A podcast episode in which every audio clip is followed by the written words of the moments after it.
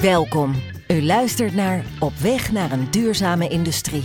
Een podcast van Stork over duurzaamheid, circulariteit en de energietransitie in relatie tot onderhoud en asset management. In deze podcastserie spreken we met vernieuwers en over praktijkvoorbeelden in de energietransitie. Uw host is Ferry Visser.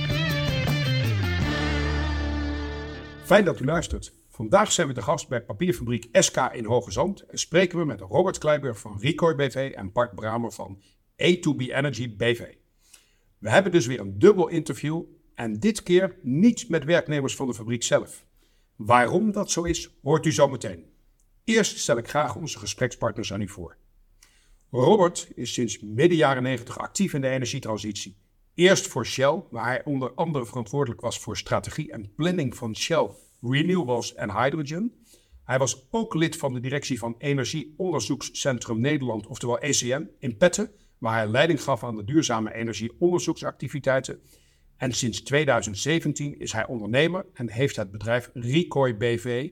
Bart is sinds 2012 betrokken bij de verduurzaming van de procesindustrie met een focus op water richting stoom.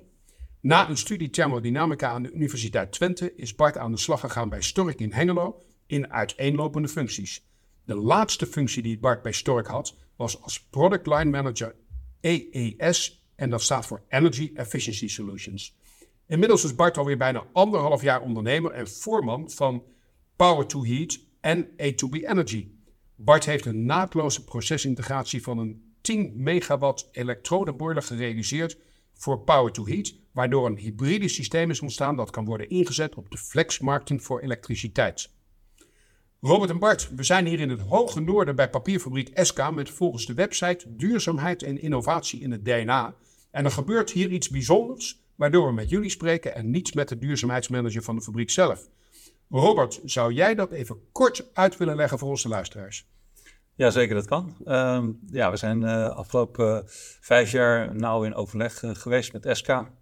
Uh, en uh, ook uh, de plannen die zij hebben om de verduurzaming van hun fabrieken te realiseren. ook ongeveer vijf jaar geleden hebben we een haalbaarheidsstudie gedaan naar een e-boiler. En hoe hoeverre ja, zou zich dat terug kunnen verdienen? En hoe hoeverre is dat een rendabele investering? Sowieso bespaart het CO2-uitstoot. En in deze dus gesprekken is naar voren gekomen dat we als zouden investeren volgens een ESCO-model. Daar komen we denk ik later nog op terug. Ja, zeker. Maar in feite is het zo dat SK afnemer is van de stoom. Uh, ook een stukje van de ketelhuis beschikbaar stelt om de e-boarder te kunnen plaatsen. En Power to Heat PV is uh, inderdaad de eigenaar van de e-boarder uh, en Recorp verzorgt de aansturing. Dus eigenlijk is het een concept waarbij SK wel zijn duurzaamheidsambities kan behalen, maar ook in hoge mate ontzorgd wordt over de aansturing ervan. In feite kopen ze gewoon warmte of stoom. Ja ja. Uh, van Power Heat BV. Eigenlijk een hele mooie constructie, waarbij de eigenaar van de fabriek zich op zijn primaire proces kan richten. En nou ja, het, het, uh, het medium stoom, wat heel hard nodig is voor het primaire proces, uit handen geeft aan een andere partij. Ja, je gaf al aan, dat is het, de ESCO-constructie. Moeten we daar gelijk op ingaan? Dat kan. Uh, ESCO staat voor... ESCO en SK, het lijkt heel ja, op elkaar. Zeker. Maar het staat helemaal los van elkaar. Het staat los van elkaar, ja. ESCO staat voor Energy Services Company. Ja. Uh, en uh, ja, dat betekent eigenlijk dat uh, een derde partij de, de, de stoom levert aan SK die uit de e komt. En nou, het is goed voor de luisteraars om misschien even te weten dat wij voorafgaand aan deze podcast een rondleiding hebben gekregen door de fabriek en door het ketelhuis. En daar inderdaad de spiksplinternieuwe e-boiler hebben kunnen zien staan. Waar, wat de aanleiding is voor dit gesprek wat we hier nu met jullie hebben. en het is toch ook wel een beetje revolutionair omdat in zo'n ESCO-constructie toe te passen. Deze fabriek heeft zich daar ook uh, nou ja, voor, voor geleend. Die hebben, zijn kennelijk overtuigd geworden van de, van de voordelen daarvan. Ja, misschien is het goed om, om even naar, naar Bart te gaan. Want uh, ja, als je het dan over zo'n e-boiler hebt, dan is het misschien interessant om, om, uh, om te weten wat zijn nou de technische voordelen van zo'n e-boiler, zeg maar, configuratie ten opzichte van de oude configuratie die we hier hadden. Ja, misschien om, um, ja, dankjewel. Misschien om goed op toe te lichten. We hebben hier uh, dus te maken met een, met een e-boiler, ja. inderdaad. Uh, is een standaard e-boiler die, uh, die eigenlijk al lang wordt toegepast. Maar die, deze hebben we bij SK op een toch een bijzondere manier geïntegreerd. want we willen hier zoveel mogelijk flexibiliteit uithalen. Um, Dus we hebben eigenlijk eh, die eh, e-boiler op een, op een manier ingepast, zodat hij eh, eigenlijk heel snel kan reageren op het systeem van SK. Kijk, en, en ja, jullie hebben mij daarover verteld dat dit met name ook eh, gezien de fluctuerende eh, zeg maar, prijs van elektriciteit een hele interessante oplossing is. Zou je daar wat meer over kunnen vertellen? Ja, nou, de, crux zit hem dus erin. Dus als, eh, eh, als, er, als er een interessante prijs is op de markt, eh, dan wil je eigenlijk eh, jouw asset, de e-boiler in dit geval, eigenlijk zo snel mogelijk eh, eh, beschikbaar hebben om, om die mogelijkheid op de markt te, te kunnen pakken. En daarvoor is het dus essentieel dat je een e-boiler hebt die, eh, ja, die, die, Die heel snel die reageren. dat heel snel kan reageren. Maar we hebben hier ook te maken bij SK. eh, eh, die, die, dit is een gebruik van de warmte. Het is maar de vraag of op dat moment de warmte wel eh, gebruikt kan worden bij SK. En of de andere installaties eigenlijk wel mee om kunnen gaan dat die e-boiler zo snel op of afregelt. Dus dat is denk ik een. daar hebben we veel tijd in besteed. In, het, in het proces samen met SK om dat zeg maar, zo optimaal mogelijk af te stemmen. Juist, op, op het- zeg maar eh, de, de integratie van de verschillende eh, stoomproducerende installaties op de vraag af te stemmen. Hè. Daar, daar, daar hebben jullie met name het verschil gemaakt, denk ik. Eh, dat, dat lijkt me ook een, een regeltechnisch en softwarematig verschil. Dat zit misschien meer aan de kant van Recoy. Kan jij daar wat over vertellen, Robert? Wat, Ja. nou ja, hoe, waar dan echt nou ja, de, de, de crux zit? Ja, dan misschien even een stap terugnemen Ja. naar de energietransitie. Eh, de elektrificatie van eh, industriële processen, ook eh stoomproducerende processen, gebeurt steeds vaker door middel van elektriciteit. Ja. Mits het net natuurlijk voldoende capaciteit heeft om ook die grotere aansluiting aan te kunnen. Daar ligt nog wel een dingetje. Hier is dat gelukkig zo. Hè? Hier is dat gelukkig zo, ja. De SK was er op tijd bij. Ehm, en dan zijn er op die, eh, op die markten zijn er soms eh, momenten waarbij er gewoon echt heel veel hernieuwbare elektriciteit wordt geproduceerd. Eh, dat kan zijn door wind, ook offshore wind. Dat kan zijn door zonne-energie, Ja. waar elk jaar 4 gigawatt bij komt. Nou, offshore wind gaan we richting 21 gigawatt in 2030. Dus daar komt steeds meer van. Ehm, en soms, en dat gebeurt nu al, zijn er momenten waarbij er zoveel hernieuwbare elektriciteit wordt geproduceerd, dat de prijzen eh, heel laag zijn en zelfs negatief zijn. Waardoor je betaald wordt eh, omdat je zo vriendelijk bent om op dat moment elektriciteit af te nemen. En dat is de reden waarom die snelheid eh, zo gewenst is. Om eh, dan ook heel snel die opportuniteiten te pakken. En dat kan eh, gaan op, eh, ja, op minutenbasis. Elke minuut kijken we, is dit een goed moment om de elektrische borden aan te zetten. En dat eh 365 dagen per jaar. Fantastisch. Want naast die elektrische boiler staat nog een gasgestookte boiler. Die voor een soort van baseload zorgt. En die e-boiler die maakt heel slim gebruik van de fluctuatie in, eh, in zeg maar, eh, de, de, de elektriciteitsprijs, waardoor je optimaliseert. Ja, klopt. In deze specifieke situatie zien we dat de waste-to-energy plant, eh, die, Die hier ook is. die afval Ja. eigenlijk, of reject zoals de SK dat noemt, omzet in eh, bruikbare stoom. Ja, Eh, die staat als eerste. Eh, ten tweede komt e-boiler eh, in, de, in de prioriteitenlijst, zeg maar. juist. En daarna komen de gasgestookte ketel. En als de elektriciteitsprijzen dus niet aantrekkelijk zijn, dan wordt de stoom geproduceerd door die waste-to-energy plant in combinatie met die gasgestookte borders. Ja. Maar we hebben wel situaties gehad waarbij de volledige fabriek heeft gedraaid op eh, een e-boiler. Eh, toen zeiden ze gekscherend bij SK dat ze nu e-papier aan het maken waren. Nou ja, dat, dat- voor de mindset is het alleen al leuk hè, dat, ze, dat men er ook, want ik begrijp, men is daar enthousiast over hier. Eh, en als ik ook hoor dat ze ook een waste-to-energy plant hebben. Ik las ook op de website van, van SK dat ze behoorlijk eh, met eh, nou, duurzaamheid bezig zijn. Eh, ja, zo komen zaken mooi bij elkaar natuurlijk. ja, zeker. Ja, ja absoluut. Ehm, ja, dan kan ik me voorstellen dat eh, de, de eh, luisteraars ehm, best geïnteresseerd zijn in eh, hoe zo'n power-to-heat systeem nou rekening houdt met de eisen en wensen van de warmtegebruiker. En hoe je ook het contact daarmee goed houdt, hoe de zaken goed op elkaar afgestemd zijn. Ik denk dat jij daar wat over kan vertellen, Bart. Ja, ja. Ja, kijk, we hebben hier dus te maken met een een partij SK die dus zelf ook ketels heeft. Die Ja. heel goed weet eh, eh, wat een ketel is en aan welke eisen die je moet voldoen. Dus we hebben zeg maar in ons traject eh, van, het, van het dimensioneren en het integreren van de boiler hebben we dit ook echt samen met SK gedaan. We hebben een paar uitdagingen, denk ik, eh, eh, Eh, zo- zoals je, je moet als je, als je een e-boiler wilt neerzetten, is er een, eh, is er een infrastructuur nodig die, eh, eh, die, ja, die, die het mogelijk maakt om die e-boiler eh, in te zetten. Ja. En we hebben een communicatie nodig eh, met, eh, met Recoy op afstand, een eh, online communicatie. Ja. We hebben te maken met wat, wat eisen eh, aan het watersysteem. Dat zijn allemaal eh, ja, mogelijke disqualificaties om het allemaal niet te doen. Maar we hebben dat hier denk ik allemaal beet gepakt en, en, en, en toch eh, voor elk, eh, elke uitdaging een goede oplossing gevonden. Waardoor we nu eigenlijk een heel succesvol systeem hebben staan. Geweldig. En hoe lang heeft dat hele proces nou geduurd? Want eh, dit klinkt alsof je jaren mee bezig bent. Eh, zo- kan je daar iets over vertellen? Of, of Robert? eh, Ja, nou, het begint eigenlijk... eh, ja, een jaar geleden hebben we het contract getekend met Stork. Ja. eh, voor de levering van de elektrische borden. De elektrische borden zelf is van Zweedse makelij. Mhm. Zeta, of ook wel Zandor en Ingenström genoemd. Eh, dus dat was, eh, de realisatietermijn was minder dan een jaar. Dus eigenlijk best wel snel. 8 Ja. juni is hij operationeel geworden. 8 juni dit jaar. Eh, daarvoor zat nog wel een periode eh, waarbij je natuurlijk ook eh, de, de, de, commerciële afspraken moet maken met SK. In dit geval zit er ook een SD++ subsidie op.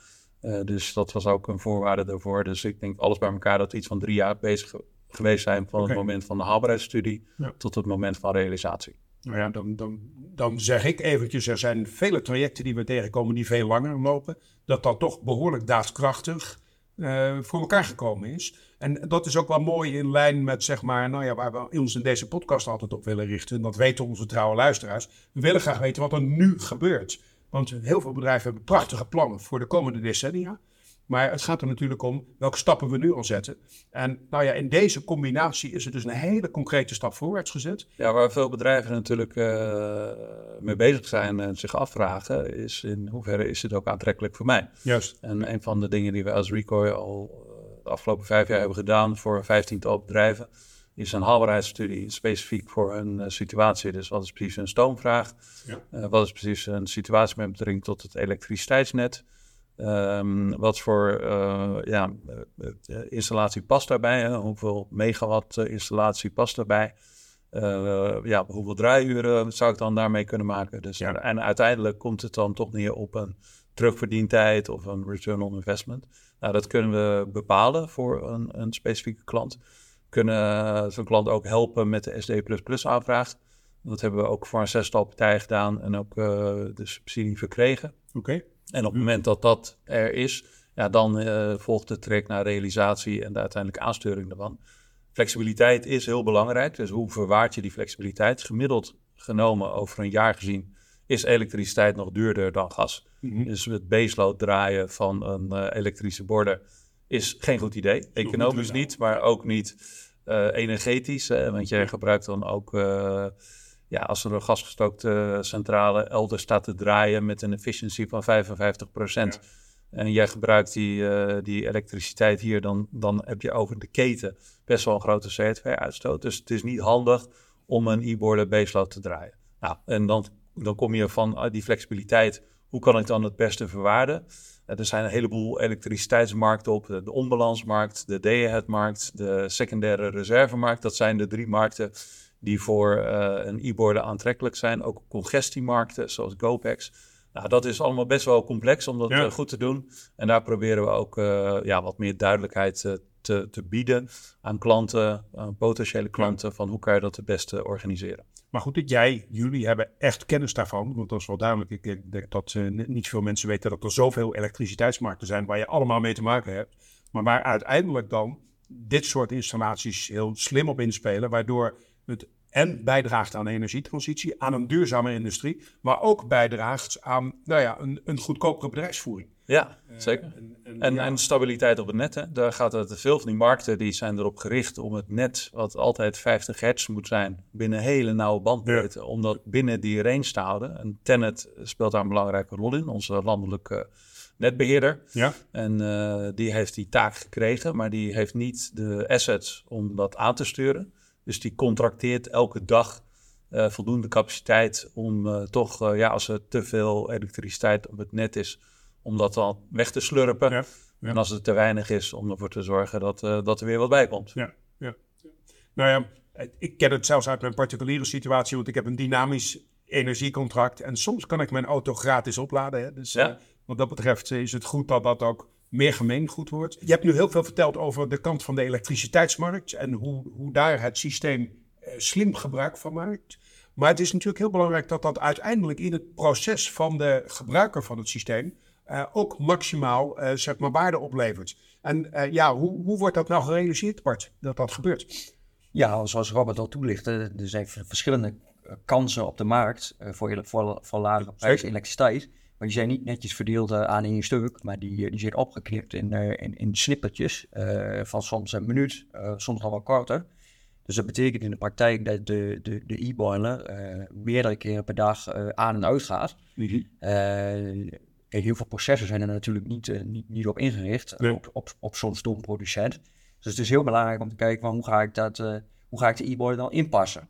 En eh, nou, in heel veel systemen is wel, eh, zijn andere, andere eh, kedels aanwezig. Ja. Die, kun je, die zou, kun je anders daarop afstellen. Er is eh, een bufferende werking af en toe eh, aanwezig. Dus ik denk als we Power to Heat zijn we daar ook goed in om, om, om dat bestaande proces in kaart te brengen. En om daar eigenlijk de, het maximale uit te, te peuteren, zeg maar. Zodat eigenlijk alle kansen die Recoil op de markt ziet, dat we die ook echt kunnen verzilveren door daar ehm, eh, ja, nuttige energie van te maken. Juist. Dus nuttige warmte. Juist. En, en daarmee ook het primaire proces van deze papier- of kartonfabrikant ook maximaal te ondersteunen. Want Ja. daar, dat wil je uiteindelijk. Ja, want dat is een hele belangrijke, want eh, wij, wij, wij zijn eigenlijk onderdeel van SK op dit moment. Ja. Maar SK, zijn primaire proces eh, is, is papier. Ja. En eh, die- ja, die, die mag eigenlijk niet merken of die stoom nou van een gas-asset komt, of van een e-boiler asset, of van een waste-to-energy asset. Dus eh, ja, binnen die grenzen eh, en, en die mogelijkheden eigenlijk, moeten, we, moeten we opereren. Juist. Ja. Ja. Ja, en, en dat is geoptimaliseerd in deze situatie hier, waarbij een, een prachtige showcase staat opgesteld. En nogmaals, we hebben hem gezien, hij staat te glimmen. Hè? Eh, het is een, eh, geweldige We, installatie. we hebben hem ook even gepoetst. Ja, hij is even goed. en dan is het uiteindelijk natuurlijk voor de toekomstige gebruikers van dit soort oplossingen van het grootste belang om ook te weten of dit, zeg maar, nou ja, of de business case hiervoor sluit. Hè? Of, je dat, eh, of dat ook daadwerkelijk waarde toevoegt. Kan je aangeven, op wat voor termijn zo'n installatie terug te verdienen is als je ermee aan de slag gaat? Ja, dat is wel afhankelijk van de lokale situatie. Hè? Dus eh, ook eh, welke elektriciteitsnet je zit, eh, welke hoogte van subsidie je hebt aangevraagd, wat je betaalt voor je gasprijs, wat je aanneemt voor de elektriciteitsprijs die je moet betalen. Net aansluitingskosten zijn best wel gestegen in de afgelopen periode en zullen ook volgend jaar weer met 40% stijgen. Er zitten heel veel variabelen in. Daar zitten best wel veel variabelen in, maar eh, over het algemeen, eh, we hebben nu 15 van die studies gedaan, komen we toch wel op een terugverdientijd van tussen de drie en de vijf jaar. Nou ja, dat, dat, is, dat is natuurlijk fantastisch. En als we onze, eh, alleen al de energiedirective van onze overheid geeft aan dat je investeringen die je in dat soort termijn kunt verdienen, dat je die ook moet doen. Hè? Dus eh, eigenlijk is dit ook een enorme incentive voor bedrijven van eh, aan de slag. En dan kan er ook nog die SDE subsidie eh, mee verworven worden. We zijn aan het, aan het eind van deze podcast en dan wil ik heel graag een advies aan onze luisteraars. Want uiteindelijk is deze podcast gericht op het delen van informatie om te komen tot een duurzamere industrie. En dat betekent ook dat we nou ja, goed van de praktijkervaringen ehm, nou ja, adviezen nodig hebben die andere mensen op kunnen volgen. Mag ik jou eerst het woord geven, Bart? Welk advies zou je onze luisteraars mee willen geven? Ja, ik, eh, ik, denk dat, eh, dat er heel veel kansen zijn in de energietransitie. Ja, Er zijn ook nog wel wat, ja, wat, wat, wat, wat hobbels of eh, bottlenecks. Maar probeer, eh, ja, probeer echt eh, niet, niet direct in problemen te denken, maar probeer eh, ja, toch met goede partners ook te kijken van hoe kunnen we die hobbels, eh, hobbels eigenlijk wegnemen. Dat is natuurlijk belangrijk. Eh, Ik heb net ook al even gezegd, over de energietransitie praten is goed, maar eh, het doen, eh, ja, Ja. daar moeten we met z'n allen voor zorgen. hartstikke mooi. Eh, wat, wat wil jij daarop aanvullen, Robert? Nou, ik denk dat eh, het gaat ook over mindset. Hè? De, de industrie in onze ervaring is zo gericht op het zo stabiel mogelijk eh, opereren van de processen. Juist. Eh, en wat eh, nodig is eh, in deze energietransitie is juist op die momenten dat er veel aanbod is, dat je daar ook flexibel op kan inspelen. Dus dat vereist ook wel een andere mindset.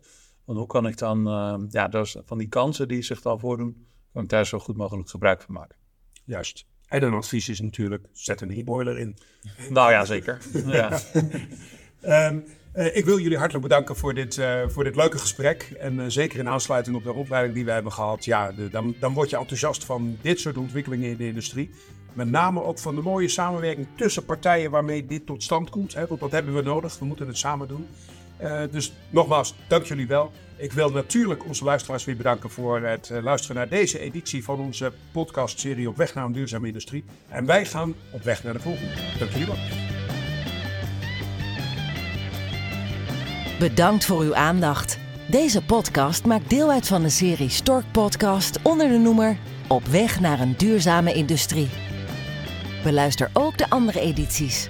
Meer informatie en alle andere podcasts vindt u op stork.com/podcast.